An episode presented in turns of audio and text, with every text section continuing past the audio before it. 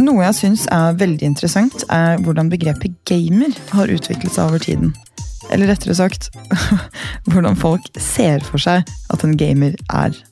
For den der stereotypiske svette gameren som bor i kjellerleiligheten til moren sin, er plutselig byttet ut med en sånn superstjerne som går i designerspons og har tusenvis av følgere som drømmer om å leve deres liv. Sånn var det ikke da jeg var ung. Da opplevde jeg egentlig at gaming var utrolig stigmatisert. Men i dag så blir mange gamere løftet opp og frem, flyttet ut på internett og opp på store scener. Og det er ikke bare fordi de er eksepsjonelt gode og presterer bra kompetitivt, men det er også fordi de er gode content creators. Og et prakteksempel på det er norske Martin Foss Andersen, eller Mr. Savage som han går under på internett. Martin er 18 år og profesjonell Fortnite-spiller, men han er også en content creator. Han var bare 13 år da han startet å spille Fortnite, og da han ble 14, da fikk han seg en egen manager. Altså, hva faen?! En egen manager! Det er, så, det er så vilt å få seg en egen manager på ungdomsskolen fordi man spiller videospill. Altså, Jeg vet ikke hva som hadde skjedd hvis noen hadde fortalt meg det som tiåring, at jeg kunne drive og spille Pokémon og leve av det. Den er grei. Noe som blir veldig tydelig, er jo at gaming har endret seg veldig mye. Og en av grunnene til det er jo egentlig selve spillet Fortnite.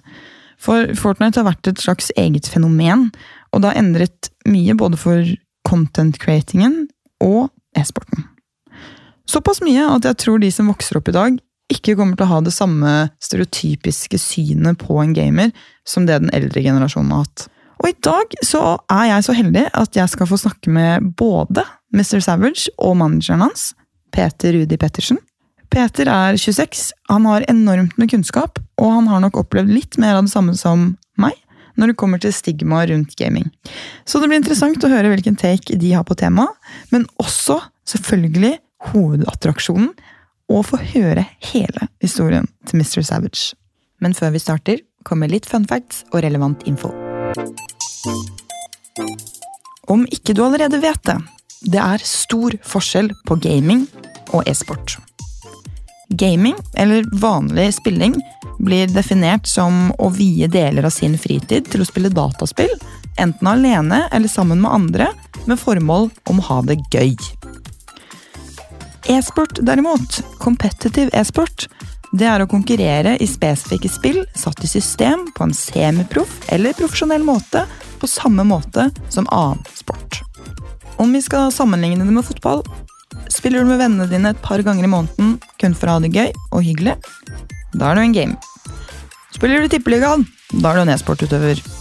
As simple as that. Fortnite ble lansert i 2017, og på et halvår så rakk de å passere 40 millioner brukere på verdensbasis. I dag så ser det ut til å være over 400 millioner registrerte brukere. Det er mange grunner til at spillet ble så populært som det ble, men en av de er at man kunne spille på tvers av plattformer.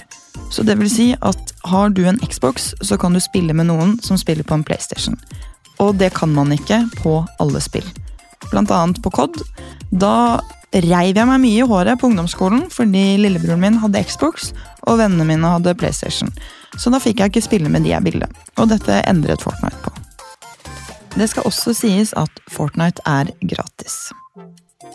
I 2019 så ble den første og så langt eneste worldcupen i Fortnite arrangert. Cupen var delt inn i to. Én for solos og én for duos. Altså Enten spiller du alene, eller så spiller du sammen med en annen i par. I paret som vant duos, finner du faktisk en annen norsk Fortnite-spiller. Emil, eller Nyrox, som han går under.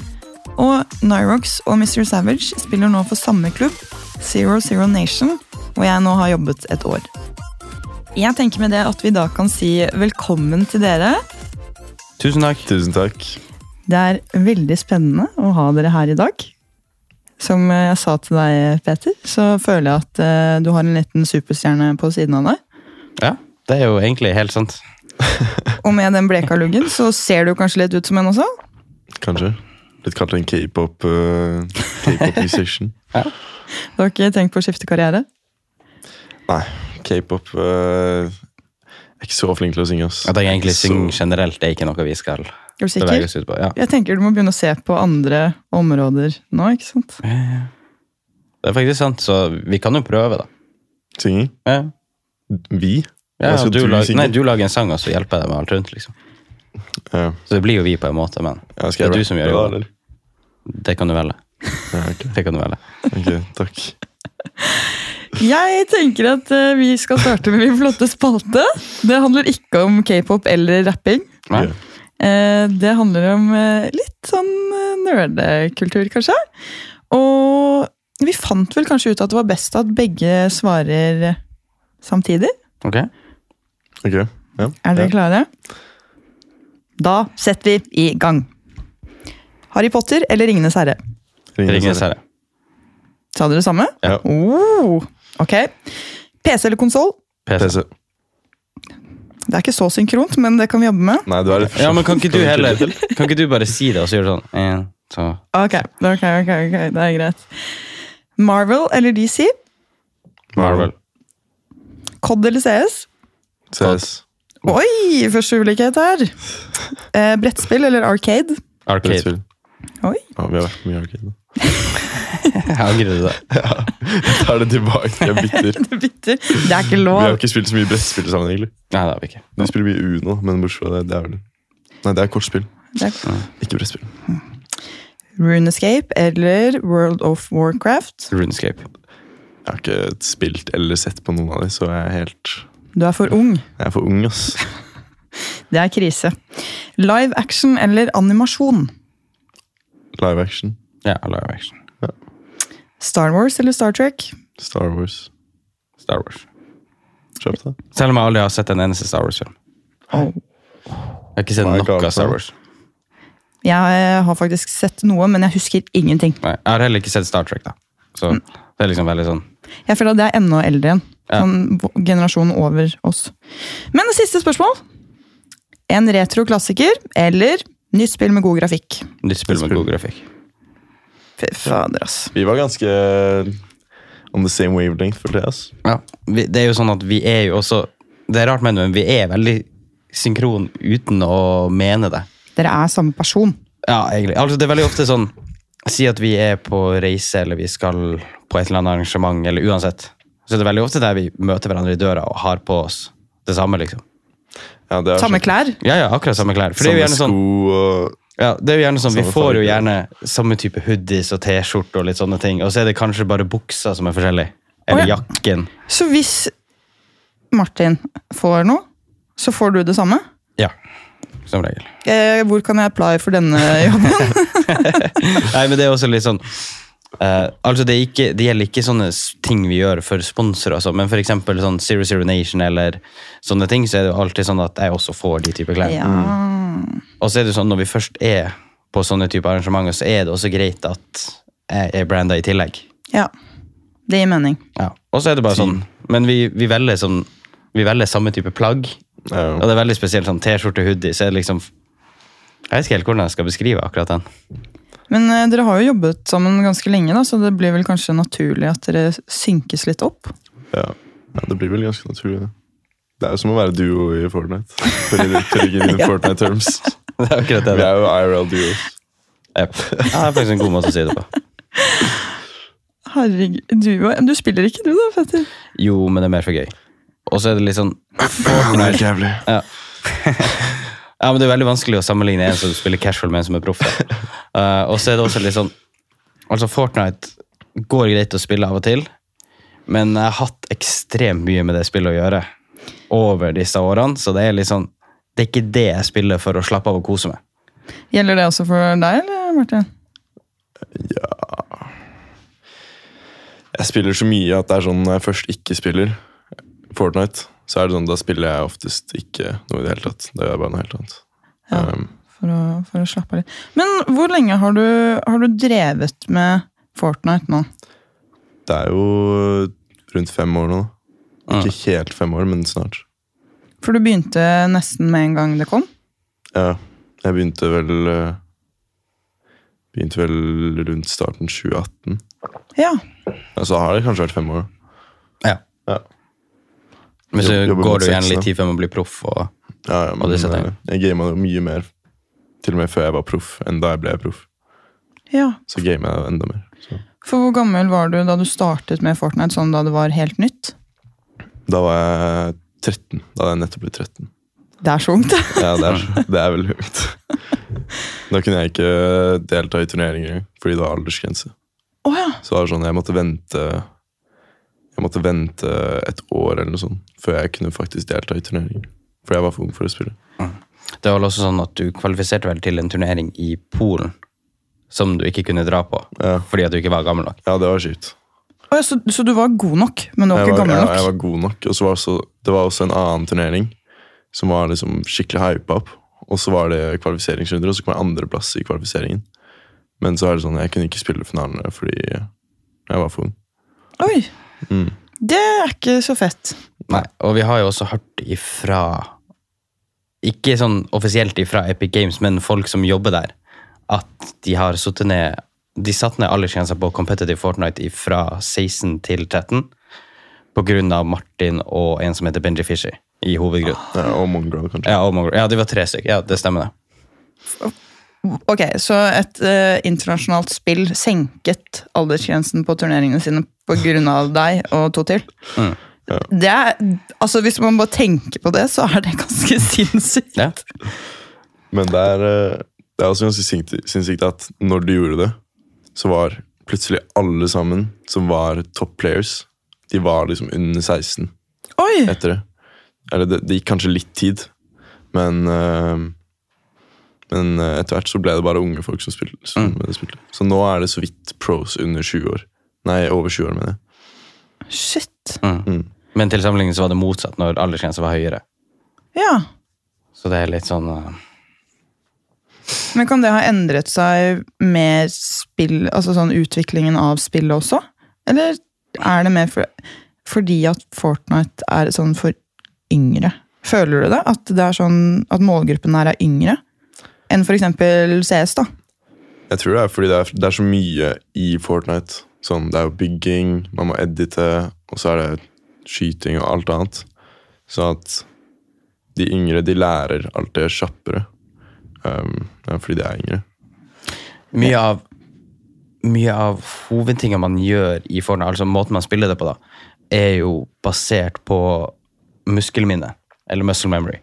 Uh, og de yngre er jo mye bedre til å både lære og lære nye ting på muscle memory, men samtidig også utvikle det samtidig som eksempel, det kan komme en helt ny ting i Fortnite som gjør at du endrer mye av måten du gjør ting på. da.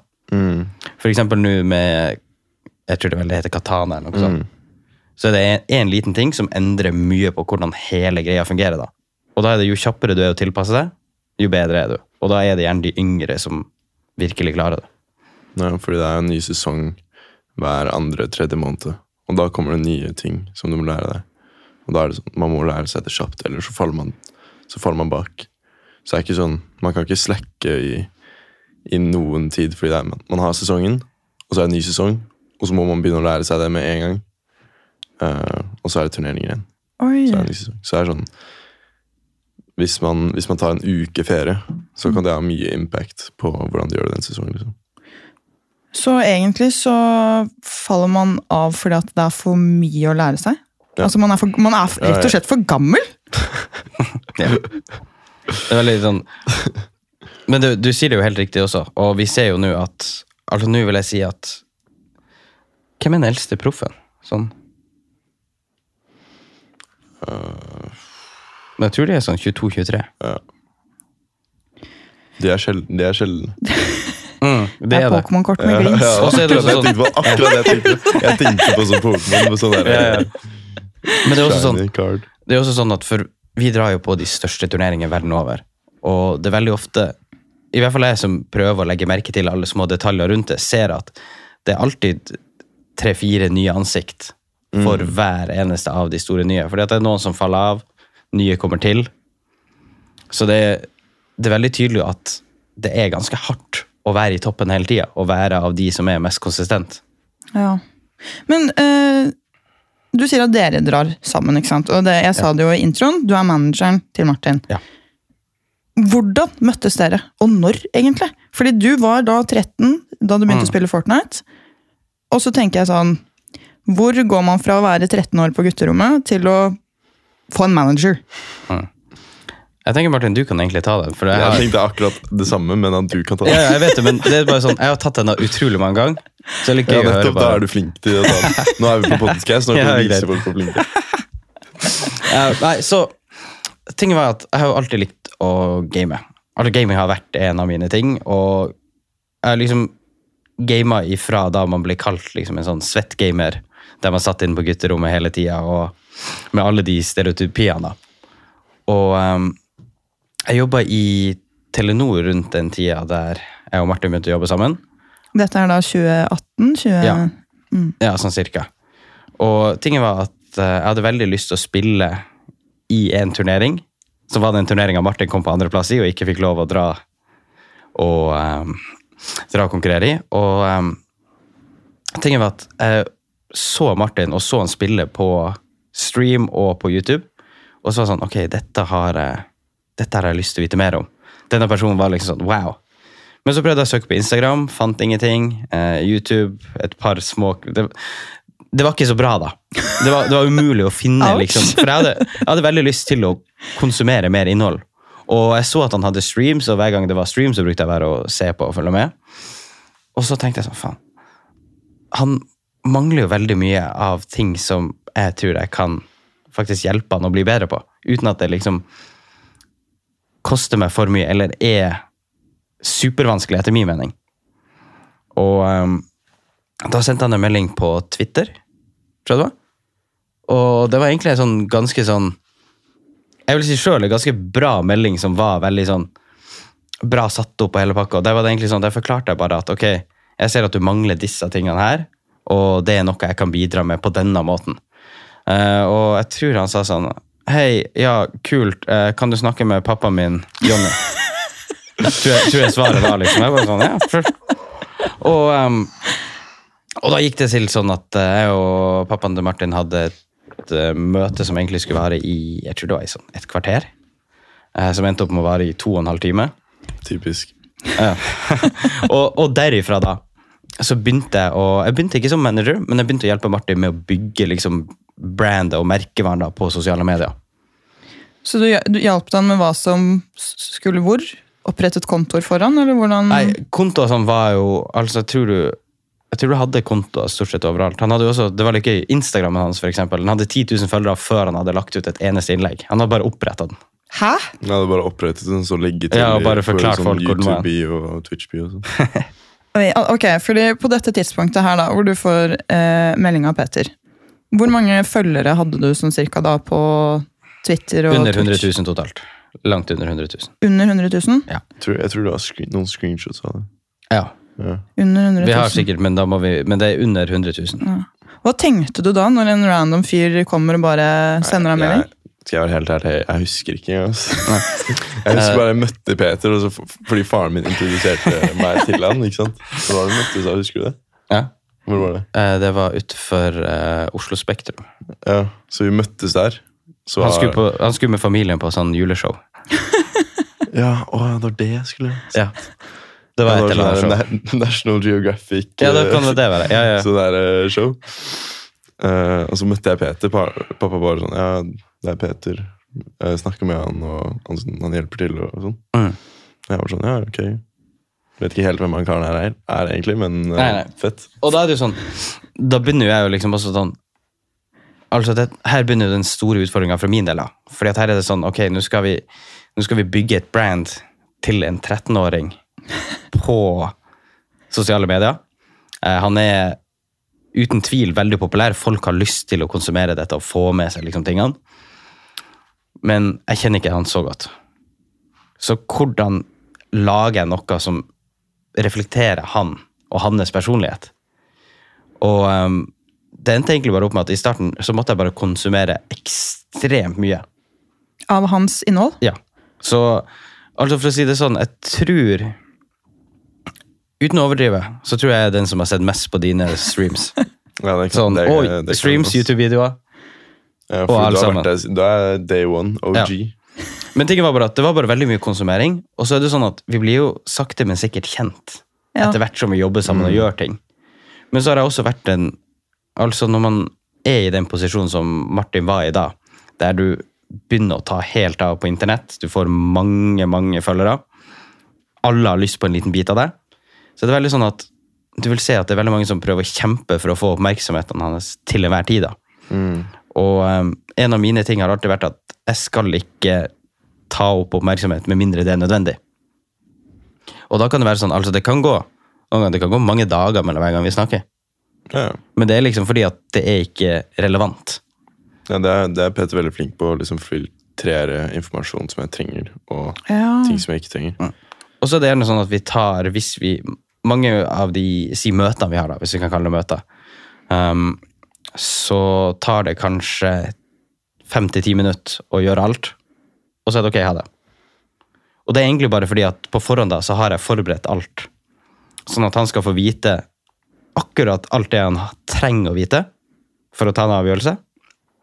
Så tar han avgjørelsen, og så er vi videre på neste ting. Så det er egentlig bare for å være så effektiv som mulig, fordi at en av mine mål som Martins manager er jo å gi han så mye fritid som overhodet mulig. ja, veldig god manager. Eller egentlig skape rommet for den friheten. da. Og det, det jobber jeg veldig hardt med egentlig hver eneste dag, fordi at jo mer fritid han har, jo mer muligheter har han til en, å gjøre mer av det han har lyst til, men to, også ha tida til å være Martin, uten å miste Savage. da. Det tror jeg er ekstremt viktig. Good to see Peter. Jeg føler du har, du har fått det til veldig bra, i hvert fall. Og, Det er kult. Ja. Og det var, Takk, takknemlig for at du sendte meg DM. Altså. Det er jeg. ja, fordi Tror du at du hadde vært på samme sted i dag uten Peter? Nei, nei. Garantert ikke. Fordi du, du la ut innhold selv. Ja, jeg, Hvordan, hvordan, jeg bare tenker som 13-åring. jeg, la, jeg la jo ut ting selv, og jeg edita ikke selv. Så jeg bare sendte melding til en sånn kar jeg hadde kjent i en stund. ja. Som bare edita noen videoer for meg og lagde sånn shitty sånn thumbnails. eh, og, så, og så bare lasta jeg det opp selv. Men hadde du en drøm om å bli en stor YouTuber? Det starta, det starta ikke som det i det hele tatt. Jeg bare spilte Fortnite masse. Og så hadde jeg, jeg hadde nettopp bytta skole. Så jeg hadde seks måneder med privatskole. Sånn oh, ja. i starten av Fortnite. Hjemmeskole. Ja, hjemmeskole, hvem er det? Bra at du det. Ah, Jeg hadde seks, seks måneder med hjemmeskole, så jeg fikk jo vært mye, mye hjemme. Og da Du fikk, fikk jeg, spilt mye? da fikk jeg ekstra tid til å game. Ja. Uh, så det var jo litt nice. Og så sa broren min og noen kompiser bare sånn Yo, du må begynne å streame. Sånn, Du er jo faktisk ganske god. Uh, og så var jeg litt sånn ah, Vet ikke hva jeg gidder, og vet ikke hva jeg syns er så fett. Uh, men så pressa de, de meg litt mer, og så begynte jeg å streame. Um, så først var jeg på, var jeg på sånn fem til ti viewers de første sånn seks månedene. liksom. Men jeg streamte jo 100 timer i måneden. Oi! Så jeg var, liksom, jeg var på grinden. For jeg, jeg, spilte, jeg spilte jo så mye uansett, så bare, hver gang jeg spilte, så bare tok jeg på stream. Um, og så etter hvert når jeg ble litt bedre, så fikk jeg litt mer kontakter i liksom, pro community i Fortnite. Um, og noen av de streamer jo også. Så han ene karen som vi snakket om tidligere, um, han som hjalp å senke den age-limiten, han var ganske populær. Uh, og, så, og så spilte vi sammen fordi duopartneren hans var i utlandet uh, og spilte turnering. Fordi han var gammel nok til å spille turneringer. Så i mellomtiden så spilte jeg med han, og da streama vi litt sammen. Uh, og så da fikk jeg en ganske grei boost på, på seertallet til sånn 50-100 100 viewers hver gang jeg streama. Men det var først når videoen av at jeg og han spilte sammen, ble posta på en bare sånn helt random kar sin YouTube-kanal. Oh, ja. Det var, det, det, var den der aggressive uh, Aggressive 14 year old. Det var tittelen. Um, når dem først blå opp, det var da man så seerne plutselig dagen etter. Så hadde jeg liksom 1500 seere dagen etter. 2000 dagen etter. 3000. Så var det sånn Den videoen bare tok helt av, sånn helt random. Bare fordi en random kar posta den. ja, fordi han har da sett på streamen, og så har han tatt videoen deres og postet på sin egen YouTube-kanal. Ja. Mm. Oi! Så først var det Så det var han som ga deg navnet Aggressive 14 Year Old? Det var ikke du som Nei, sa det var ikke- selv? Det var ikke jeg som sa det selv. Så, så først var det sånn én sånn video, og så plutselig var det, kom det sånn to, tre, fire til. Um, og da ble jo jeg plutselig Plutselig veldig kjent i, i det communityet. Bare sånn på løp, I løpet av to uker så gikk jeg liksom fra 50 til 100 views til 5000-6000 hver gang Mm. Og på denne tida begynte jo også da alle tilbudene fra e-sportorganisasjoner verden rundt å Mm. strømme inn. Mm. Og det var samtidig i denne tida der jeg tok kontakt. Og så ble vi enige om at vi skulle vente litt til, han, til de hadde fått gått igjennom alle e-sportskontrakter og sånne ting før jeg ble tatt med på laget. da. Så da var det noen måneder pause der det ble jobba med kontrakt og forhandlinger. Så signerte han, og så begynte jeg for fullt inn, inn i dette, da. Hvem signerte dere med da? NRG. Ja. NRG Esports, en, en amerikansk e-sportorganisasjon. Men skjønte på dette tidspunktet her, da, følte du på en måte at eh, Fordi jeg tenker, når, når du går fra så få viewers til så mange på veldig kort Mm. tid, du er kjempeung, følte du noen gang at sånn Shit. oh, hva er det jeg driver med nå? Ja, jeg, det er jeg, jeg var jo sånn what, what the fuck, liksom. Det er, jo, det er jo helt sykt. Fordi det jeg begynte da, var sånn Hvis jeg fikk lønn og sånt, så tenkte jeg på hvor mye Hvor mange sånne derre Uh, stor pommes frites jeg kunne kjøpe på veien fra skolen, liksom. Fordi jeg gikk jo på skolen. Jeg hadde jo, jeg hadde jo fått, uh, fått plass på den skolen jeg skulle flytte til. Ja. Uh, og det var da jeg begynte å blå opp. Uh, og så hver, nesten hver dag hjemme fra skolen så kjøpte jeg noe på en sånn bensinstasjon, fordi jeg var alltid sulten. Eh, så Når lønnen din blir regnet i stor Ja, pommes frites. Men det var sånn, jeg, jeg brukte jo ikke penger på noe, da. Nei. Så det var det eneste jeg tenkte på, liksom, bare for å Mm. Putte, prøve å putte i perspektiv med, med Men så har vi også, så har vi også forsøkt å putte. Vi har også forsøkt å putte dette i perspektiv på en litt annen måte. da. Eh, fordi at når du er da sånn, si 14-15 kanskje, og du tjener ganske mye penger, hvordan, hvordan skal han få et godt forhold til det? da? Så mange ganger så bruker jeg å sammenligne det med eh, Han har jo jevnaldrende kompiser. Si at de jobber da på en byggevarebutikk eller Rema 1000 eller uansett. Ok, For denne jobben her så må de jobbe så mange timer. Mm. Bare for at man liksom også skal skjønne at hvor, hvor ekstremt mye tida hans kan være verdt av det han jobber med. da. Mm. Som er veldig spesielt. og det er veldig sånn, Man må bruke litt tid for å ta det inn over seg. da. Mm. Og det er jo ikke bare penger som kommer med det her, det er jo også fans. Ja. ja, det var Heldigvis er jeg jo litt mer internasjonal, ikke sant? for jeg poster jo på engelsk. Ja. Og jeg har aldri fokusert så mye på det norske. Um, så det er ikke sånn hvis jeg går ut, så kommer det masse fans til meg. Det er sånn en eller to her og der, men det er ikke noe sånn Det er, det er ikke noe at det blir irriterende, på en måte. Så det, det, er, det er jeg veldig takknemlig for også. Mm. Og det var et valg som vi tok også ganske tidlig. ja. Fordi at eh, Ikke å legge skjul på at eh, det er nok noen journalister og produsenter i diverse TV-kanaler i Norge som er litt irritert på meg. Fordi at vi sier nei til absolutt alt de kommer med. Ja. Og altså det Uansett om det er avisintervju eller eh, TV-program, dokumentarserie. altså Alle disse tingene sier vi, sier vi nei til da fordi Mm. at vi ønsker at Martin skal kunne være Martin i Norge uten at han blir, eller så blir gjenkjent på samme måte. da. Best of both lives. Det er litt sånn Hanna Mm. Montana. Ja, ja egentlig. egentlig. Og, og tingen, men tingen er også at det er ikke bare derfor vi har gjort det. Det er også litt sånn Det går tilbake til det jeg sa med tidsbruk og sånne ting. Mm. Og fordi at bruker vi si fem timer på å gjøre eksempel en videoinnspilling her i Norge, så får det kanskje en halv million views hvis det er superbra. Mm. Men så gjør vi det samme i USA. Ja. Så har vi da fire millioner, fem millioner, seks millioner. Mm. Så vi får liksom så utrolig mye mer ut av det også. Og så er det en fordel at når vi kommer til Norge, da, så er det ingen som har sett det, eller ingen som kjenner han igjen fra akkurat det. Ja.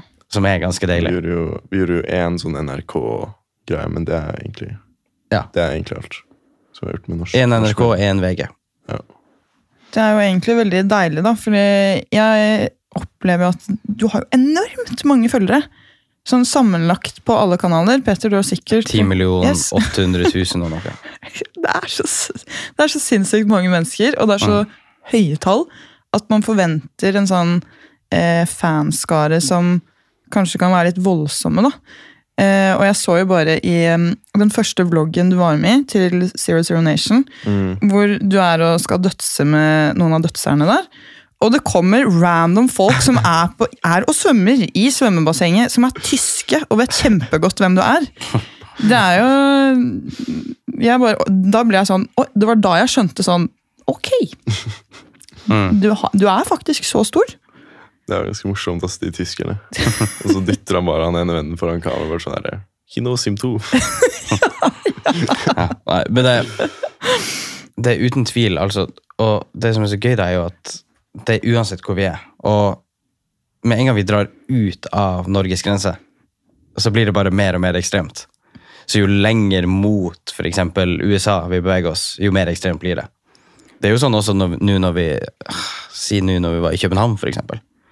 Så hadde vi én dag vi, vi hadde reist og farta veldig mye, så vi bestemte oss for at vi blir en dag ekstra i København etter vi har gjort noen ting. Og så bare chiller vi, og så drar vi hjem. Og eh, da skulle vi på kino. Av alle ting. Vi skulle på kino, helt rolig dag. Så har vi akkurat tatt oss uh, Henta popkorn og brus, og så blir vi altså ikke overfalt, men jeg tror det er 15-16 kids som bare kommer strømmende inn rundt oss overalt. Og det er liksom, Vi står bare med tingene og ville egentlig bare gå og se den filmen. Men da var vi veldig heldige, for da er sånn, de som jobber der, så også dette. Ja. Så hun kom bare bort til meg hei, trenger dere hjelp. Jeg var sånn, ja, gjerne. Og så er det to sekunder, så blir alle kidsene stoppa, og så blir vi guida videre. Og... Men da var det også sånn, Det var- når vi, når vi kom ut av filmen, så satt jo de og venta. Oi! Og det er ikke, men det er, ikke sånn at vi tar, det er ikke sånn at vi ikke tar oss tid til de. Nei, Det var mer bare ok, det er fem minutter til nå skal dere gjøre deres greie. ja. Men så er det sånn, med en gang vi kom ut, da, så tok vi selvfølgelig bilder og gjorde alle disse tingene. Men det var også, jeg tror også bare det at en, en sånn guttegjeng på kanskje sånn 12-13 år, de er jo veldig hypa, og de, det er veldig mye energi. da, Så det var bare, vi bare matcha ikke helt akkurat i det Ja, det ble, sekundet. det ble litt mye akkurat der, men eh, det var jo litt lettest, da. Og Det tenk om det hadde vært sånn i Norge hver dag du skulle på butikken og Ja. Det, jeg tror jeg hadde ang- angret på det. Altså. Det var også sånn faktisk en litt morsom ting. Eh, selskapet til Martin heta før Mr. Savage AS. Ja. Men det måtte, måtte bytte navn, fordi at da er jo adressen offentlig. Så da var det jo ekstremt mange på døra. Nei, er det sant? Mm. Så det er, det er sånne tilfeller her i Norge også? Ja, ja. Eh, Du har, vi har vel bytta nummer tre ganger. Oi! Og det er liksom, vi, hem, når vi var på hemmelig nummer nummer tre, så var det sånn ok, hvis, det- hvis det skjer nå, så må vi Jeg vet ikke hva vi gjør, liksom. Oi! Fordi det var sånn, Jeg vet ikke hvordan det ble like en gang. Sånn andre gangen. Første gang var det bare fordi Da var det det, offentlig. det var offentlig. Ja. Mens, eh, mens andre gangen så, så vet jeg ikke hvordan det ble like. Kanskje jeg gjorde det på stream uten å legge merke til det. Men i hvert fall jeg begynte å bli ringt sånn klokka fire-fem om morgenen. Og da, da ble jeg jo vekket, ikke sant. Mm. Jeg burde brukt Do Not Disturb, men ja, jeg ble vekket. Og det, det var jo ganske frustrerende. Det er også sånn du kunne se på telefonen, så er det 70 ubesvarte anrop. Og da er det sånn, ok, hvis jeg skulle ha ringt han, da hadde han heller ikke svart, liksom. Nei. Så det er jo åpenbart. Men uh, det er i hvert fall fiksa nå. Ja, det er jo Eller har vært fiksa ganske lenge, heldigvis. enda godt. Men er det, er det noe sånn skille? Har du merket det på en måte når Når gikk det fra å være du som spilte videospill, til å bli disse tilstandene her? da? Kjente du på Eller har det gått gradvis? Det gikk jo ganske kjapt. Det tok jo, det tok jo liksom bare de to ukene. Og så var- Etter du ble lagt ut med den aggressive Ja, ja. um, men så hadde jeg ikke noe face reveal før, før en stund etter. For jeg streama hele tiden uten kamera. Ja, det er riktig. det. Åh! Ja, det er jo ganske interessant. Ja, så det ble jo ganske hypa opp, den face reveal. For jeg sa sånn Hvis eh, så og så mange bruker denne koden min i Fortnite itemshoppen, så kjører jeg face reveal. Mm. Uh, Det, så- det var ganske lurt. og så brukte jeg en kompis av faren min som, eh, som, som fotograf. Mm. Så ble, og så ble det ganske greie, greie bilder. Vent her, hva Ok, så du har stream... Har, syns folk det er så interessant å se på en stream uten å se an eller ansiktet ditt? Ja, ja, ja. du da? Altså, det, På den, på den tiden, ja. Fordi folk, altså, sånn, det er jo sånn i dag også. Det er veldig mange som streamer uten ansikt. Um, men tingen der er jo bare at de som så på Martin, så jo på Martin for gameplayet. Det var jo Ja. sånn han ble kjent. Og da vil du også se at personlighet og sånne ting, det er ting som kom, kom litt etterpå. Okay. Fordi at da var det sånn, altså vise ansiktet litt skummelt, eh, ha på kamera. Du hadde vel, du hadde vel keyboard cam? Ja, det, Så det var ett med kamera. cam, ja. Ja, så Hva du kunne se tastaturet. Bare tastaturet og Å ja, så for å se hvordan du Mm, Det er liksom fra, fra ovenifra. Oh, ja, så ser sånn, du ned ja. på Bare for å se at det er ekte, egentlig. Oh, ja! Så veldig mange er sånn, Hvis man er veldig god i ting, så vil de, ønsker de å se det. fordi at hvis ikke bevegelsene dine matcher det Så som er- skjer der, så er det et eller annet her. Det er noe Mm. muffins, liksom. Oi, det er også veldig interessant. Da, da er du jo Da har du jo egentlig kun blitt kjent på evnene dine, da. Ja, egentlig, fordi jeg snakket jo ikke mye egentlig når jeg streama. Det- Jeg, jeg, jeg, jeg, du- jeg reagerte jo da hvis jeg, reagerte jo da hvis jeg, hvis gjorde noe sykt, men det var ikke sånn Mm. Det er ikke på samme måte ikke som det mye er mye til chat og Nei, det er ikke sånn content creator sitter og egentlig er mer funny enn du er Nei, god i jeg bare, jeg spillet. bare fokuserte på spillet. Mm. Og det er jo sånn, altså Nå også hvis du streamer turnering, og sånn, så er det fortsatt i samme ånd. Bare at Mm. nå er- nå er han jo blitt så ufattelig mye bedre til det med å underholde når folk ser på. Ja. Og altså, seerrekorden din er vel 125, eller 123 000, et eller annet. Jeg vet ikke om vi kan si at det telles, da. Ble, Jo, det telles. Jo, jo. ble- det, det er det som står på Twitchen, og da telles den. Det var jo fordi uh, jeg streama noe som heter Friday Night Fortnite med, med duopartneren min Benji Fishy. ja. Og han har jo vært en stor, del, stor, stor del av uh, karrieren min. Fordi jeg spilte duos med han i var det noen to år. Mm. Um, og vi gjorde det veldig bra sammen når vi kom til World Cup. og sånn. Men i hvert fall, jeg streama en turnering med han. Um, også den største streameren på den tiden, Ninja. ja. Han spilte også den turneringen. Og måten den turneringen fungerte, var at man var to folk, og så fikk man to folk på laget sitt. Uh, og så var det om å gjøre å få mest kills eh, av liksom oss to. da. Men man spilte på samme lag. Det var sånn om å få flest kills før gamet er ferdig. Og det var jo jeg og Benji ganske gode på, fordi jeg satt jo og spilte sånn sol, solo versus squad hele tiden. Og da når man spiller sånn to, to og to på samme lag, da er det duo mot squad. Så, så vi, vi var ganske flinke på det, så vi var, endte opp med å vinne den turneringen. Og vi, vi spilte også mot Ninja i den turneringen, så når vi slo han ut, Oi! så, så hosta han meg på Twitch. Og det å hoste på Twitch er liksom Man sender over alle seerne sine til en annen kanal. Um, så det var ganske sykt. Wow, det er jo helt Så plut- sykt. plutselig, imens jeg spiller turnering, så får jeg en notification på, på denne skjermen sånn Ninja has raided you with 120 000 viewers eller noe sånt. Å, herregud. Hvis du ser for deg hvor mange folk det er. Liksom, det Ja, ja. Det er også en ting vi bruker å gjøre litt sånn av og til. bare sånn, eh, Nå når vi var i San Diego, så bodde vi rett attmed Petco Park, som er en sånn stor baseballstadion. Så det er sånn, jeg må bare, det er ganske stor. Hvor mange, hvor mange folk har den plass til? Ja. Og så bare sammenligne med, ja, ja, men det er jo en sånn vanlig søndagsstream, liksom. Som er ganske sånn... Nei, det var ikke, ikke den, da. hm? Jo, det var jo 40 000 uh, ah, ok, ikke vanlig søndagsstream. En god vanlig søndagsstream. da. en, veldig, en veldig god søndagsstream. Men uh, Men det er veldig ekstremt da å bare tenke på at ok, det er faktisk sånn. Fordi at du er jo også en av få streamere som kan gå live når som helst, og alltid ha over 1000 seere. Mm. Oi. Det er ganske, altså Du kan spille det, det dårligste av det dårligste spillet, men bare du går live, så er det liksom ca. 1000 seere som kommer inn. Uavhengig av tid, sted. Og uten at man har promotert det på noe Ja. annet. Det er vel, du promoterer vel egentlig ikke stream annet enn rett før eller dagen før.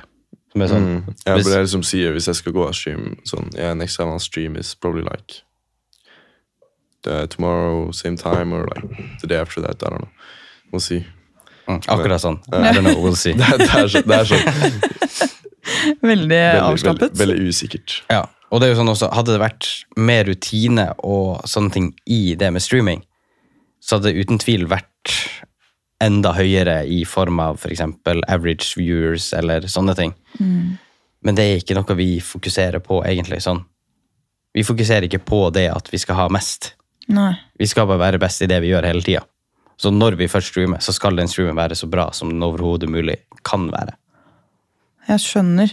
Men sånn, eh, i forhold til at du konkurrerer, hvordan er det å kombinere det å trene og liksom skulle være proff med å være en content creator?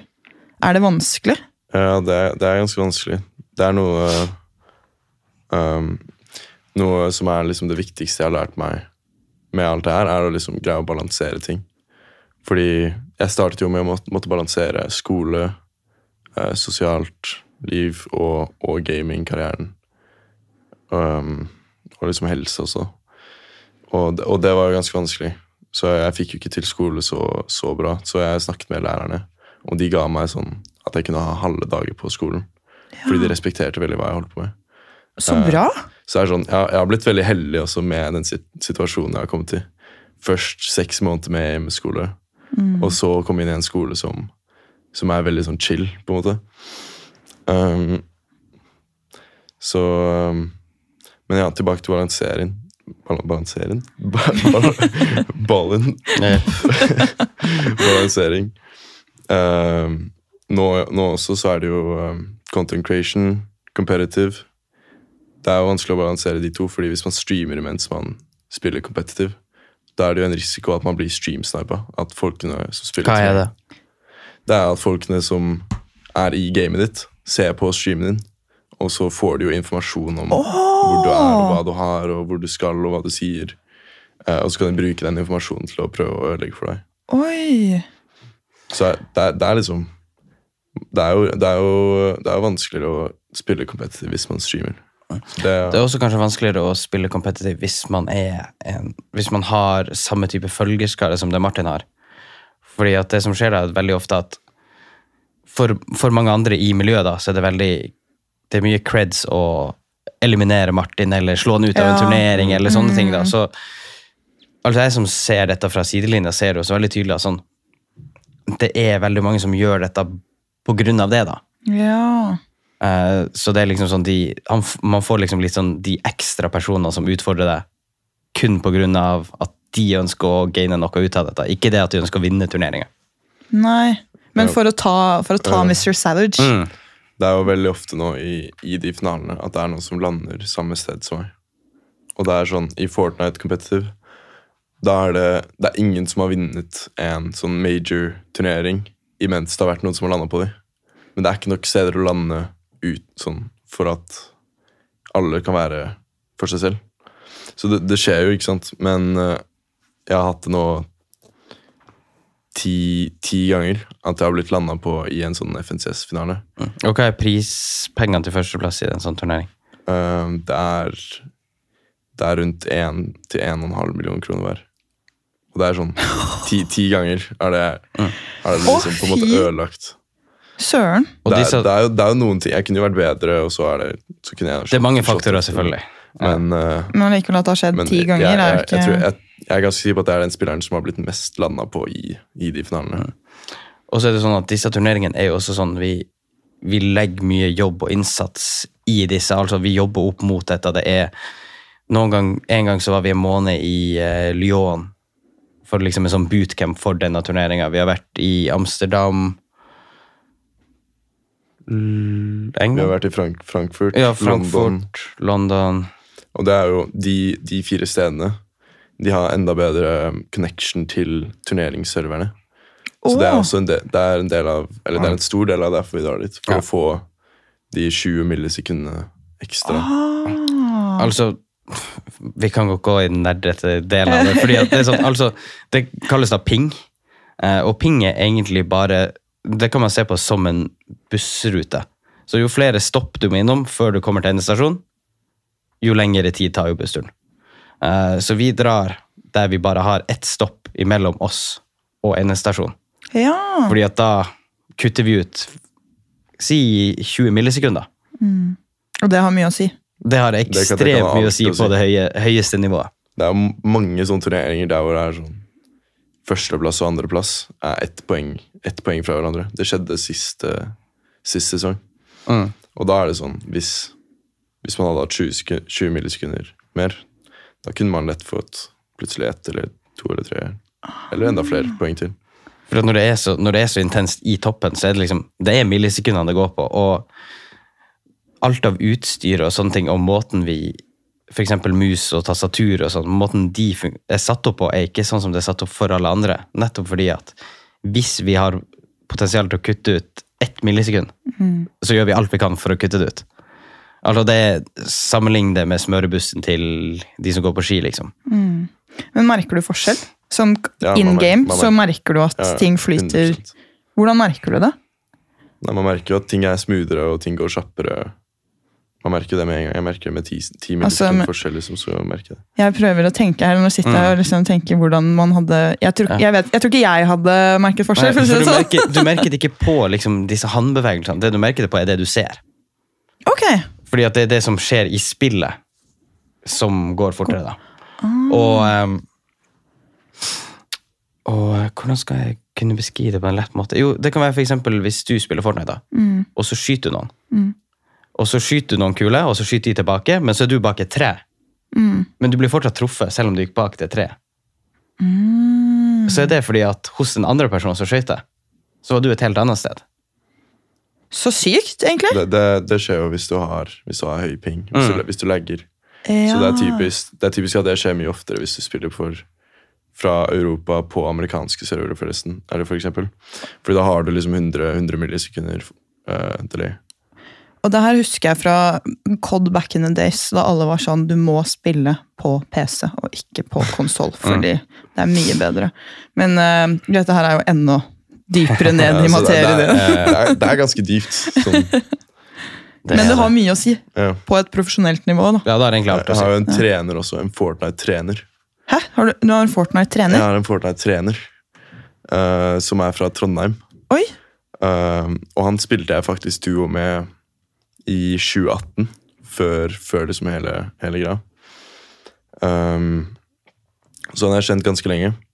Og han var jo god fram til de senket den age-limiten. Fordi han er jo Det er et godt eksempel på det. ja, han er jo 30 noe nå. Så um, Så det gikk ikke så bra ja, Foran for han liksom når han spilte. Så han konverterte over til å bli en Fortnite-trener. da. Hva gjør en Fortnite-trener? Um, han peker ut tingene som de gjør feil, Mhm. og så sier han hvordan han skal fikse de. Og så, Han vet liksom alt om spillet. Han studerer jo spillet, basically. Fordi han ser på alle de som gjør det bra. Så ser han hva, hva det er som gjør, gjør at de gjør det bra. Og så prøver han å lære andre folk hvordan man kan gjøre det samme. Ok, Så han analyserer egentlig alt, og så Litt sånn som Peter gjør med alt management eh, sitt. liksom Komprimerer Ja. alt, gir lite til deg. Det gjør treneren din også. Men det er ikke sånn at du har eh, reaksjonstester og sånn eh, ulike sånne øvelser for å bli bedre. Jeg var jo på, på Red Bull Hva heter, hva heter det stedet? Red Bull Game. Gaming Sphere. Gaming Sphere. Og da hadde vi en sånn uh, mental and Hva heter det? Test? Performance coach. Perfor- Mental and Ja. performance. Sånn performance-test og sånn.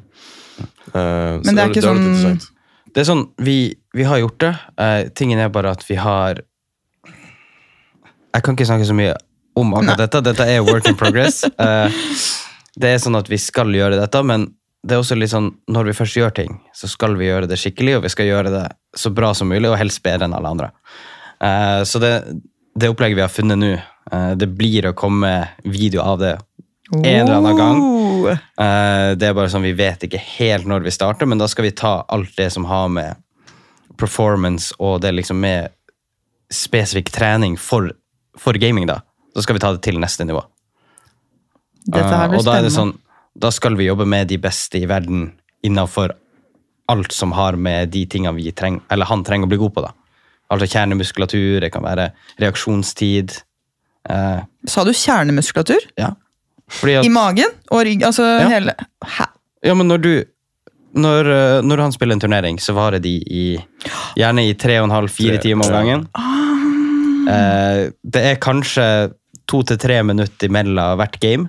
Eh, så du rekker kanskje å trykke neste game, springe og tisse, komme tilbake igjen. Eh, så det er sånn at hvis du ikke tar vare på de tingene, så kommer følgeskadene til å bli veldig mye større. Altså Han blir mest sannsynlig ikke å merke noe nå. Men, Men, om eh, fem år, ti år, Mm. så begynner disse delene å merke. Og for eksempel også i, i armen, så er det veldig mange muskler som brukes når du, når du sitter sånn og gamer. da. Du vil også kjenne at det er veldig statisk. Eh, nå vet jeg ikke om du er sånn, for eksempel si at du spiller et bilspill, og den svingen er litt vanskelig. yep. Og da, Yes. det må merke deg også at da strammer du alle musklene i kroppen. Ja. Og Spiller med si kroppen. Nu, ja, men si nå at han sitter i Han er kanskje i en av de siste avgjørende rundene, og han kan vinne millioner av kroner. Så er det sånn, altså det er mye som strammer seg, og det er mye som skjer uten at man kanskje er like bevisst på det. Og hvis man ikke jobber med da å motvirke disse tingene, så kan liksom følgen være så mye verre. Og vi ønsker jo også at når han en gang skal slutte med dette, at han skal være hel, og altså det skal ikke være noe, noe følgeskade av det. Det her tror jeg mye folk egentlig ikke tenker på. Nei. Når det er sånn du er en eh, e-sportutøver og lever av gaming. Det, Det er, det er mye behind the scenes som uh, jeg tror folk ikke legger merke til. Og det, jeg skjønner jo hvordan de ikke legger merke til det, fordi de spiller jo casual, og så, og så ser de på proen, og så er det bare sånn Oi, han var flink til å skyte folk og bygge litt vegger og ja. Men uh, ja, det er jo mye, det er mye som går bak det. Det, Altså, det som, altså er, du, er du i toppen i uansett idrett eller sport, eller hva du måtte kalle det, så, så er det gjerne, altså den fysiske aktivitetsdelen er gjerne en stor del av det, altså uansett hva du holder på med. Og um, det er jo mer det at vi, at vi alltid ønsker å gjøre det nettopp fordi at ikke bare blir kroppen bedre, men prestasjon over tid og det mentale blir så utrolig mye bedre. Altså Alle som trener mye og trener jevnlig, kjenner jo det at når du kommer ifra gymmen, så føler du deg mye bedre enn det du gjorde idet du gikk inn der.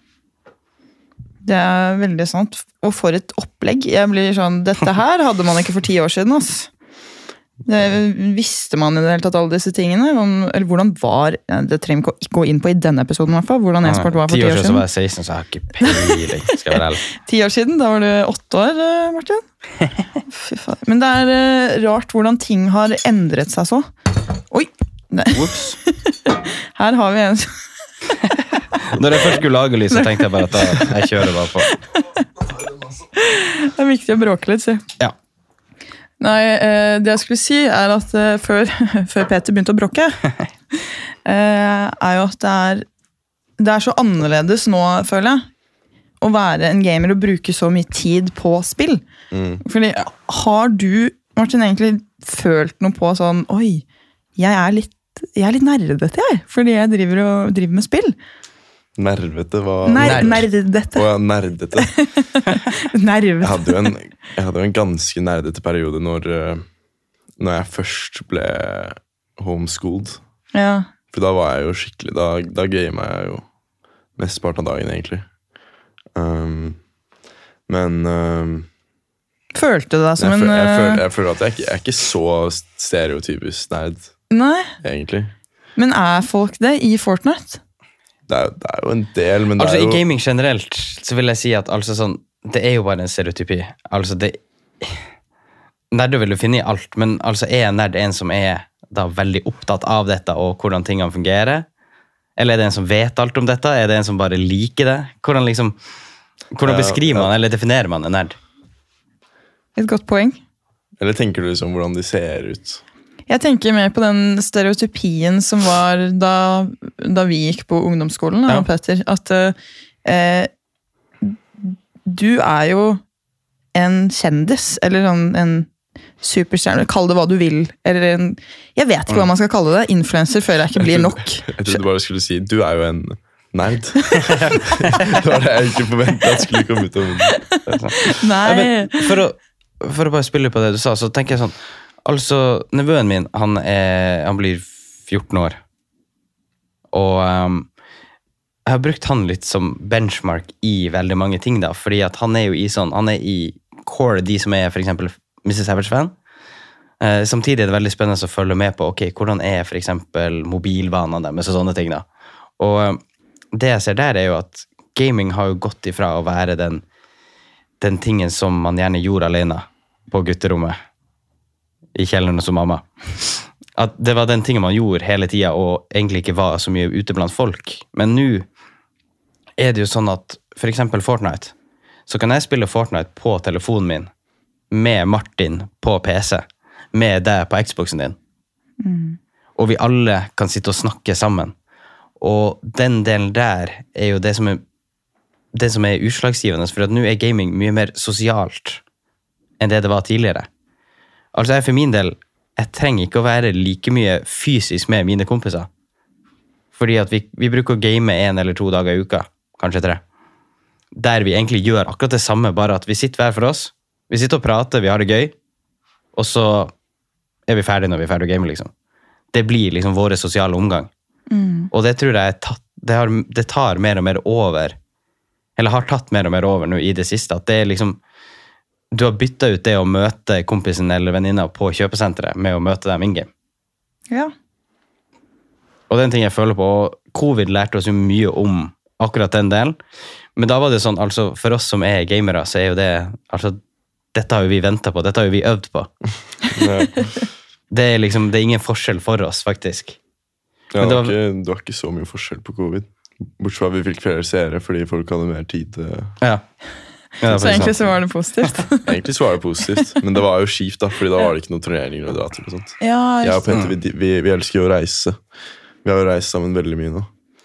Eh, så de, de to årene, det var, det var ganske kjedelig at vi ikke fikk reise. Ja, det var ikke like mye reisinga. Nei.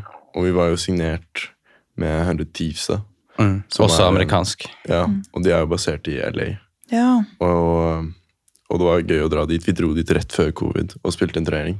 Det var, det var først når jeg signerte de. Mm. Um, så det, det var en gøy reise, og så kom vi hjem. Dere får ikke reise lenger. Um, og så tenkte vi sånn, ok, det går sikkert over. Men så tok det jo det tok to år. Ja, ja. Det var også sånn faktisk at, også, Og der, er det, sånn- der gikk vi glipp av utrolig mange ting, fordi at med 100 Thieves da, så var avtalen at vi skulle være i LA ca. annenhver måned. Men ganske ofte, da. altså det, det er mye fram og tilbake, og den flyturen er ikke den deiligste. Nei. Den er ikke det. Den er ganske lang og litt, litt tungt både på søvn og sånne ting. Mye jetlag. Men um, vi gikk jo blant annet glipp av um, 100 Thieves gjorde en collab med Gucci, Oi! der de laga en ryggsekk som var veldig veldig kul. Og de hadde spesifikt spurt om å få Martin med på denne kampanjen, Uh, der de brukte andre 100 Thieves-talenter også.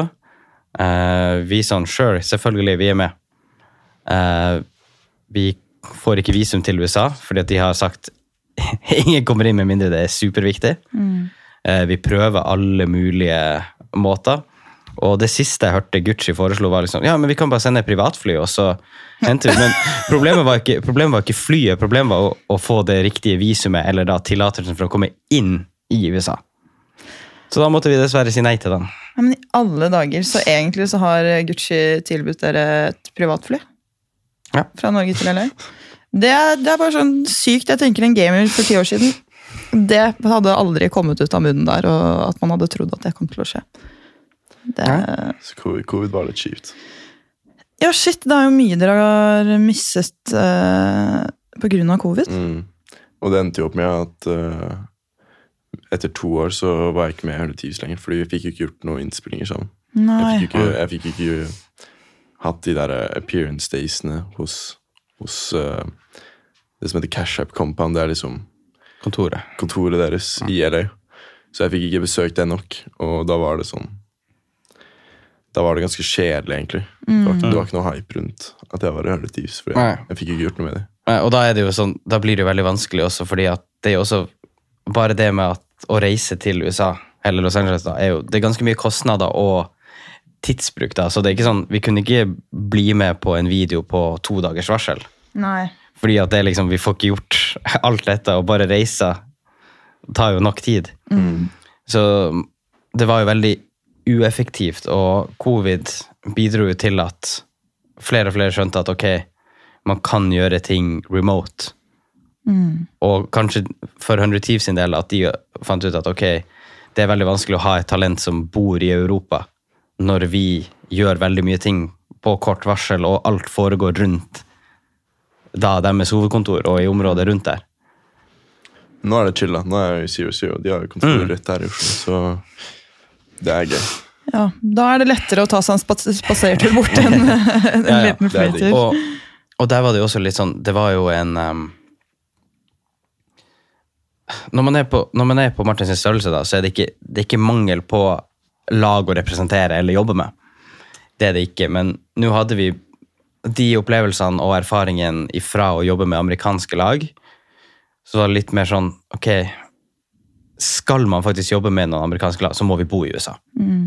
Har vi lyst til å bo i USA? Ikke akkurat nå. Og det vi har funnet nå, da, er jo en mye bedre og noe jeg ser på som et permanent hjem for Martin, som er Zero Zero Nation. Og tingen her er jo at Martin bor fryktelig nært. Eh, vi har da et miljø vi kan være rundt og være en del av egentlig hver dag, istedenfor sånn av og til når vi først er der, mm. som er en stor forskjell. Og det gjør også sånn at vi kan være en, en større del av kameratskapet og liksom organisasjonen. da. For det mangla vi jo veldig sist. Sånn, vi er med, men vi er egentlig ikke med fordi at ja, vi kan ikke komme på uh, vi kan ikke komme på grillfest i hagen hos noen, fordi at vi må, vi må fly i 15 timer. Ja. Å nei, gud. Men uh, det føles uh, bra. Eller det føles det litt kjipt, fordi USA er jo litt sånn the American dream og stort og større, og, og så er man i Norge. Eller føles det litt sånn hjemmekoselig Nei, jeg, jeg er veldig fornøyd med den posisjonen jeg er i nå, med, med Zero Zero. Alle de gutta i Zero Zero. Jeg digger de jo. Og jenten. Ja, og, og, jentene, og jentene. My bad. Takk, takk. Kan ikke skli Jeg er også, jeg er også helt enig. Det føles ut som Altså, det er også derfor jeg, jeg sier at det føles ut som et permanent hjem. Altså, Det føles ut som siste stopp. Fordi at her er det også noe Martin kan være en del av i mange, mange, mange, mange år. Og det er liksom sånn, jeg føler at ifra vi kom inn dit til nå, så har altså, vi har jo blitt tatt utrolig godt imot, og det er liksom, det er, det er morsomt å dra til kontoret da. Og det er jo en veldig god følelse å ha, fordi at når vi jobba med de amerikanske, så var det også morsomt å dra til kontoret. Sånn at, at vi kan ha den samme følelsen, bare enda større og enda bedre i Norge, er jo bare en fantastisk fordel for oss. Uten tvil. Jeg, jeg føler at det contentet vi lager med Zero Zero, også er, er mye mer passende og Mm. mye mer Ja. ekte enn det som var med Ja, 100 jeg er Thieves. når vi, når vi var en gang på 100 Thieves Cash Up Compound, så var det vi lagde? Det var sånn treasure hunt. Det var noe sånn Ja. Det er jo ganske sånn basic Basic YouTube. Altså veldig amerikansk YouTube. Ja. Veldig sånn skuespill. eh, Men, eh, ikke sånn. Det jeg må si er at det var jo fett å, å jobbe med de 100 Thieves, for det er jo det er jo mye større streamere i Amerika. Mm.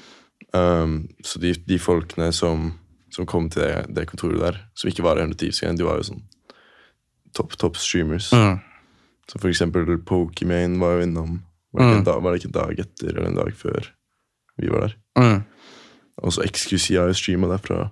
Det er favorittstreameren, eh, favorittstreameren min. Han er jo han er største streamer i verden. Oi. Um, Ja, det er Kanskje litt ikke- andre ikke nå, men sånn. basert på de siste tre, Mm. tre årene, så er han jo største, Ja, største. Definitivt. Um, så ja, det, har vært, det, er, det er mange kule folk der, i hvert fall, i Amerika. Så Mm. det, er, det er litt kjipt, men uh, ja, som sagt Folka møter vi uansett på når vi først er å reise. Altså ikke sånn, Vi møter nok ikke på absolutt alle, men Ja. vi får heldigvis muligheten til å se mange av disse folkene flere Altså møte dem igjen, da. Mm. Og det er ikke sånn at vi ikke er velkommen noen steder hvis vi først er i området. Nei. Det er ikke det, men uh, jeg håper i hvert fall det er en stund til vi skal til LA. For det er ikke min favorittby i hele verden. Det er ikke det? Nei, det er ikke det. Overhodet ikke. Liker du San Diego bedre? Ja, uten tvil. What? Uten tvil. Hvorfor det? Um, LA er veldig trafikkert. Ting går veldig fort. Ja. Eh, det er skittent der. Eh, kontrastene mellom rik og fattig er gigantisk. Eh, I San Diego er det mye roligere. Du kan gå veldig I downtown kan du gå i gaten uten at du ser mye, mye rart. Går du i downtown i LA Vi så en del rart, da. Ja, ja det gjør du, men altså downtown LA er helt, en helt annen verden, da. Ja. Og um, jeg vet ikke, jeg bare føler San Diego er roligere, penere. Ja. Det er litt mer low-key, Ja, hvis, hvis det er det du Ja, ja, det er akkurat det. Og tydeligvis renere. ja. Og det er jo en, det er en viktig ting. Jeg tenker det Eller jeg kan være skitten på mange måter. Ja, ja, så absolutt. Dessverre det. Men eh, sånn litt på, på slutten her, da. For eh, skravla går jo. Eh, jeg opplever ikke at dere møter noen sånn fordommer ved å være i den bransjen dere er. Føler dere at fordommer er liksom ferdig mot gamere? det er jo Man merker jo litt hvis folk spør hva du holder på med, og så sier du ja, jeg spiller Fortnite. Det er som, En ting er å være gamer, så er det en annen ting å være Fortnite-gamer. Da er det sånn, Folk tror jo det er sånn kjempe kids game. Så Ja. det, er, det er jo mange kids som spiller det. Men de fleste har jo spilt Fortnite um, en gang. Og syns det heller er det fett er- at du lever av det, Ja. kanskje? Um, det er sånn, noen er sånn her. For eksempel lærerne mine. Ja. De var jo sånn Ja, tjener du egentlig noe penger på det her? Og så er det sånn Det er jo litt personlig spørsmål å, Mm. å stille meg. Så det er liksom, man blir litt fornærma. Men uh, det er også litt sånn Ja, det er, det er en del fordommer. Uh, det, men det kommer, altså, det kommer du ikke unna uansett hva du gjør. Mm. Altså, sånn, du har jo vært blogger, for eksempel. Altså, har det ikke vært fordommer med det? Jo. Og det blir liksom litt det samme, da. Men det er jo gjerne sånn Altså, de som har fordommer rundt dette, er For vår del er det veldig lett å legge en død bare med å være oss sjøl, da. Mm. Altså, en ting vi, vi prøver på, er jo å ikke ta oss sjøl så veldig høytidelig, eller ikke sånn Altså, selv om vi jobber med det vi jobber med, og gjør det vi gjør, så er ikke vi noe bedre enn noen andre. Og vi er veldig Jeg tror folk merker det også veldig tydelig når vi er rundt på arrangementer eller sånne ting, at altså, det er ingenting ekstra. Vi gjør ingenting stort ut av oss annet enn å dra og gjøre det vi skal, og så drar vi hjem. Og det tror jeg også er en viktig ting for veldig mange å se. Og veldig mange blir også De kommer og sier liksom at de er positivt overraska. At oi, dere er jo veldig sånn Dere er down to earth, dere er liksom vanlige å prate med, det er ingen, ingen forskjell. Og så bruker jeg egentlig bare å stille spørsmål, men hva forventer du ellers? Mm. Fordi det er ingen forskjell. Det er liksom bare at jobben din er å game, og at folk liker å se på deg game. ja, Jeg er jo bare en kid som eh, likte Fortnite, og så Ja, ja. fikk han Martin fra Ullern. Ja, det, det er jo ikke alle Fortnite-kids som eh, plutselig blir superstjerner over natta. Nei, Men det er sant. Uh, Men for mange er det veldig lett å la det gå til hodet. Og det er jo Ja. en ting vi har jobba hardt med at ikke skal gå til hodet. mm, Nå er det jo riktignok sånn at vi, vi får nok en god del ekstra fordeler av at Martin er Martin og vi er rundt og gjør ting, mm, men det er ikke noe som vi Altså, vi Selvfølgelig vi benytter oss av ting som gjør hverdagen vår enklere, men det er sjelden noe mer enn det.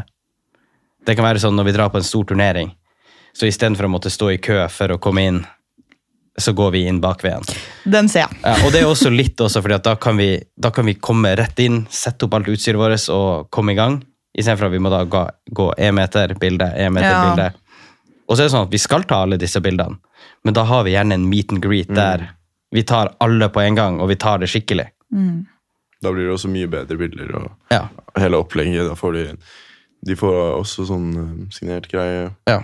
Så er det sånn. Det er bare, mer det er bare bedre for alle sammenhenger. Mm. Mm. Og der er det sånn når vi har disse, det, det kan være alt fra 50-60 kø til et par hundre. Liksom, og det er liksom personer som kun kommer dit for å Når vi var i Atlanta, så var det faktisk eh, en gutt som hadde så lyst til, en meet and, til å være på meet and greet med Martin, at faren hans hadde sittet i bilen i fire timer på parkeringsplassen og venta mens han skulle Nei Åh. Og da var det også sånn, da ordna vi med Dreamhack at uh, vi tok han med til De har sånn merch store, og så fikk han velge ut masse ting han bare ville ha. Nei. I lag med oss, og så Herregud, så koselig. og da fikk han jo Jeg, har, jeg, til og med, jeg tror jeg har sett på YouTube-kommentarene et par, et par ganger der han er og kommenterer, liksom. Hei, husker du meg fra denne? Åh.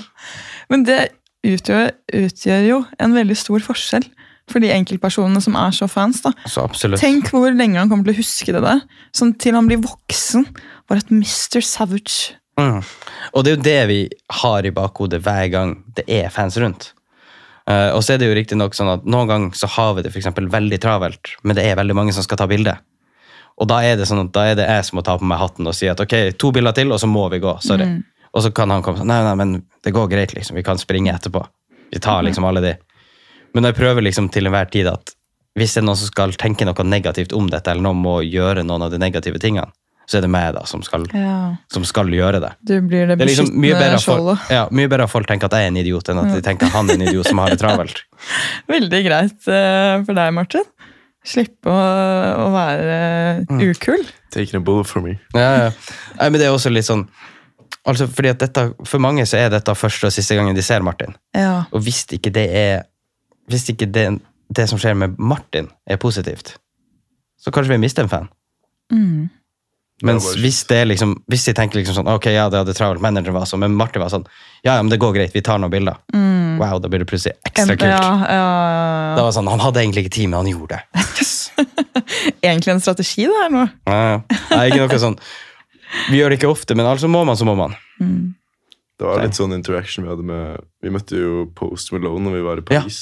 Altså, Oi! Vi, første kvelden uh, så, så skulle vi spise. Så vi spør i resep resepsjonen bare sånn, hva er det best? Eller hva er et fint sted å spise her? Og så drar vi dit, og så har vi spist halvparten av maten. Og så bare ser vi sånn 15 sikkerhetsvakter, svære karer, liksom.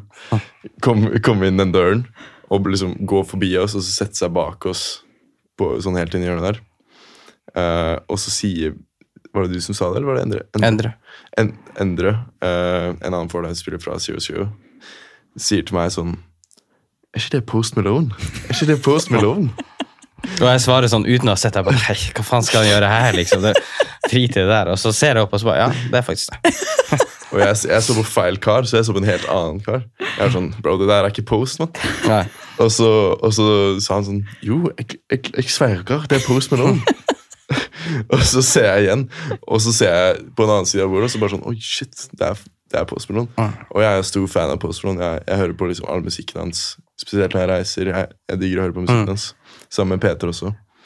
Uh, så det var ganske sykt. Og så spiser vi ferdig maten vår og venter litt.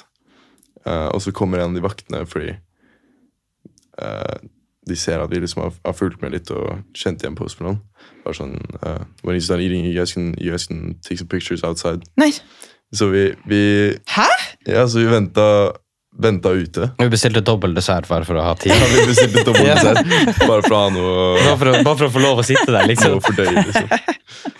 Uh, så og så, kom, og så kom han ut, og så sa han Eller så tok vi bilder, men så sa han ene Jeg tror det var manageren hans, eller Jeg tror det var en, en av sikkerhetsvaktene hans. Bare sa sånn her, Ok, ok, move out the way, we gotta go, we gotta go. Og så sa Post sånn No, no, no, it's okay, it's cool, it's cool. We'll take some pictures. Så det er, det er litt sånn samme som, Mm.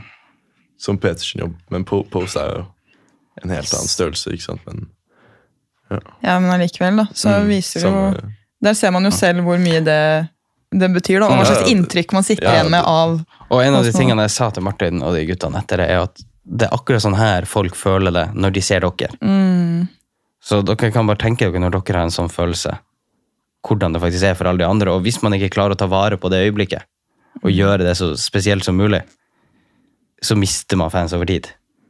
Uten tvil. Så bare jo mer positivt og jo bedre vi gjør akkurat disse situasjonene, jo bedre er det.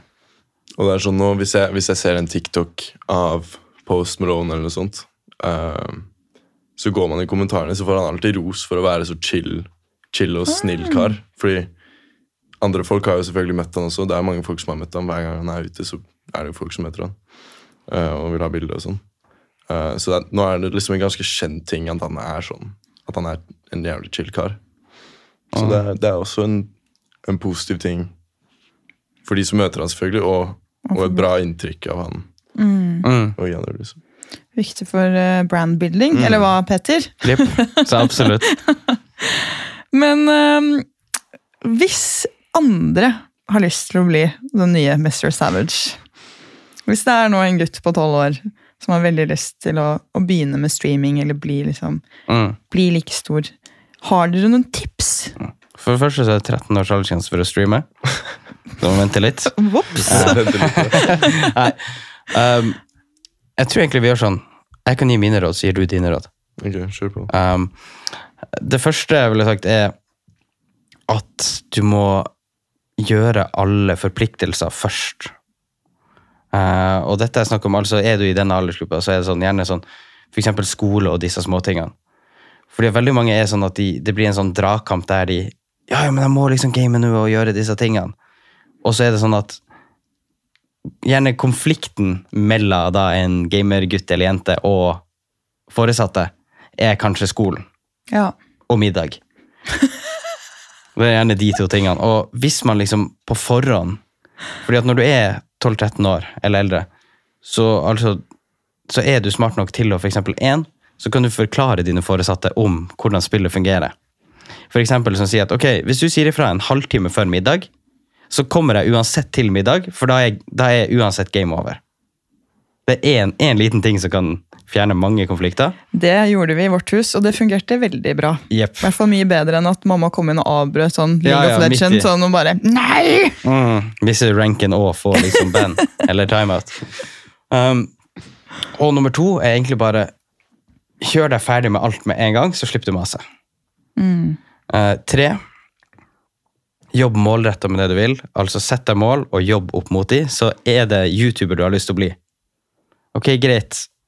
Lag deg en plan og lag deg et mål, og jobb med den minst i seks måneder i strekk. Før du går inn og enten revurderer eller gjør endringer og sånne ting. Fordi at uansett hvor du lager video og hvor du lager content, så kommer de første videoene til å være dritt. De kommer til å være wack. Uansett. Så det er liksom sånn, bare begynn. Bare post den videoen. Bare lag den videoen.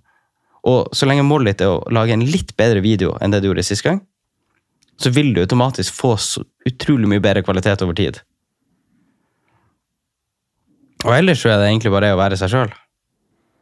Fordi at det du vil ofte se også, er at det er veldig mange som lager content, uansett, uansett om det er gaming eller generelt på sosiale medier, som er en annen person enn seg sjøl på det contentet de lager. Og det du vil se, er at disse personene faller gjerne av etter hvert. Og det er fordi at det er en så stor utfordring å være noe annet enn det man er. At det blir ikke gøy lenger. Det blir liksom en byrde. Men er du der sjøl hele tida, så er det ingenting å forandre på. Det er liksom ikke Og da vet du også at folk som ser på deg, ser på deg av deg.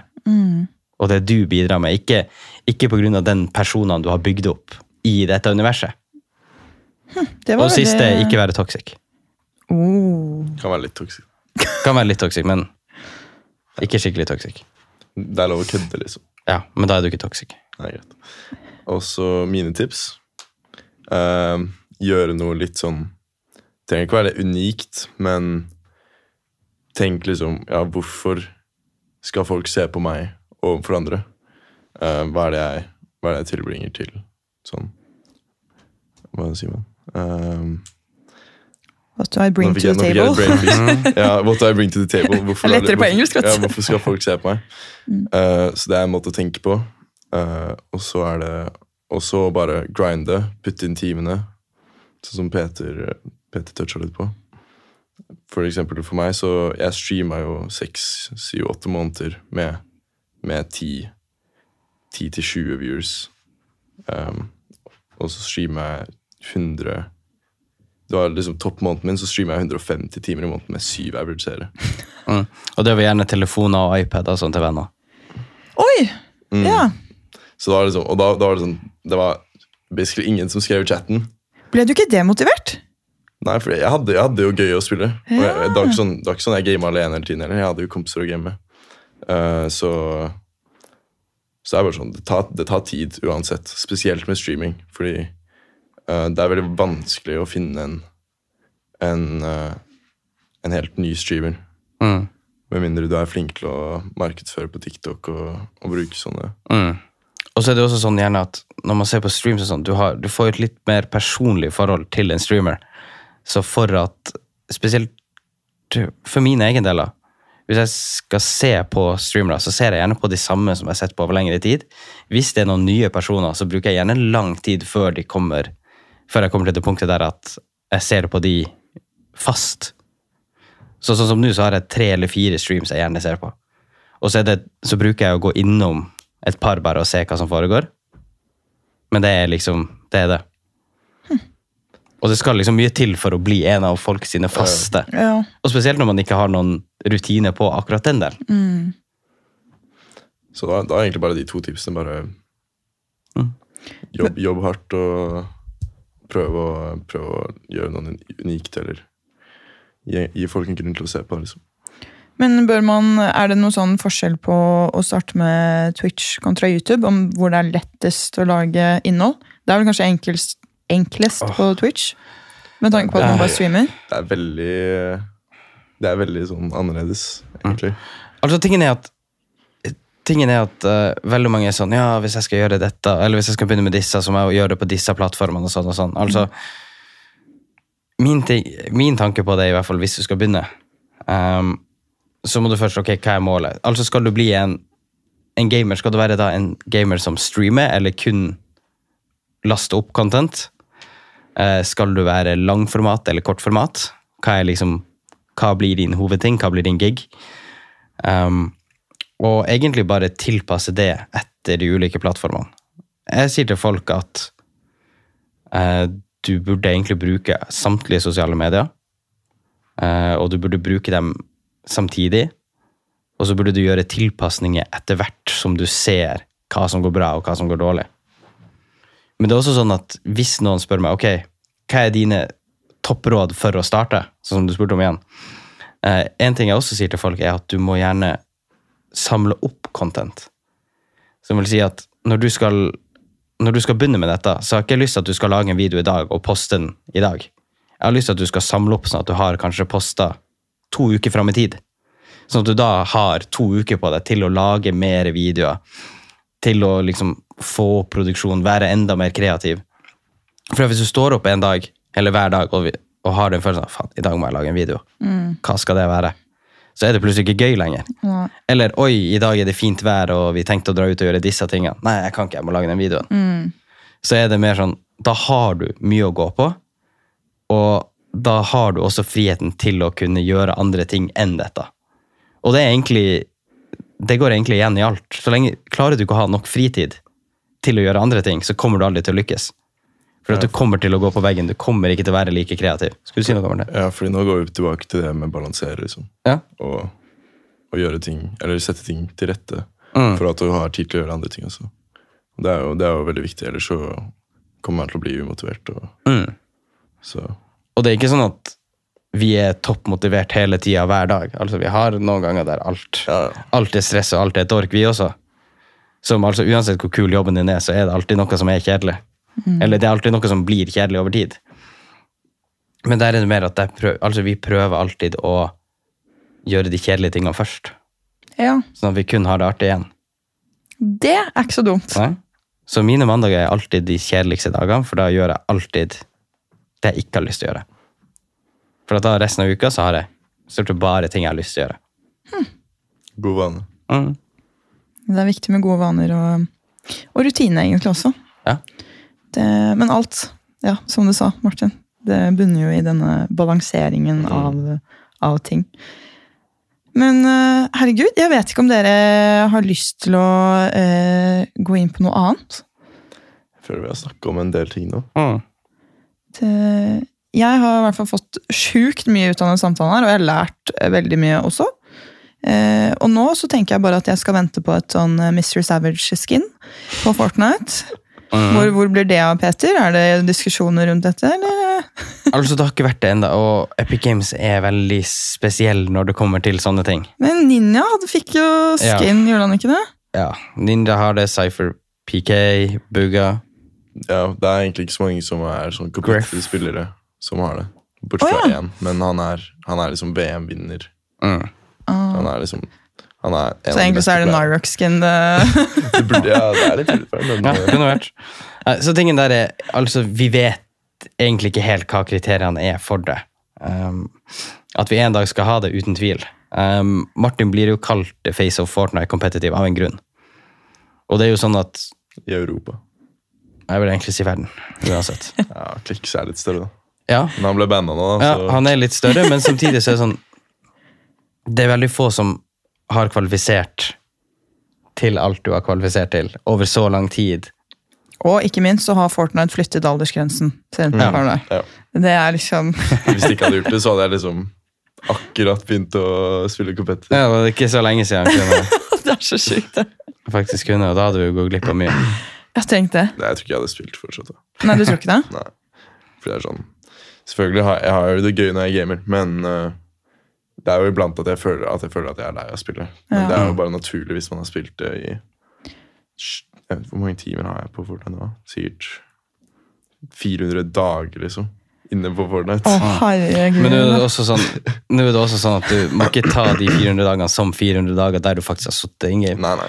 Fordi at altså Går det noen gang og spillet står åpent, så kan det stå åpent i fire timer. Ja, men hvis Ja. man eh, Hvis man gjør det i dagene til timer, og så deler man det på hvor lenge han spiller, så det gir det jo ganske grei mening. Ja, ja, det gjør det. Makes sense. Det er jo over et år eh, med spilling, da. Av livet ditt. Det er, man, det er Men hvem har ikke brukt over et år på jobben sin? Det er faktisk. Det er det. Oi, oi, oi, oi, oi. Den var Mhm. fin. Den var fin. det er mye mer enn det, si. Ja, ja, ja. ja. Uten tvil. Herregud. Nei, jeg tenker vi avslutter der. Ja. Tusen takk for at dere ville komme. Tusen takk for at vi fikk komme. Ja, det, er han sa. Til dere som lytter, takk for at du hørte på. Håper du lærte deg noe nytt og ble litt bedre kjent med både Martin og Peter. Ha det bra! Ha det, ha det godt.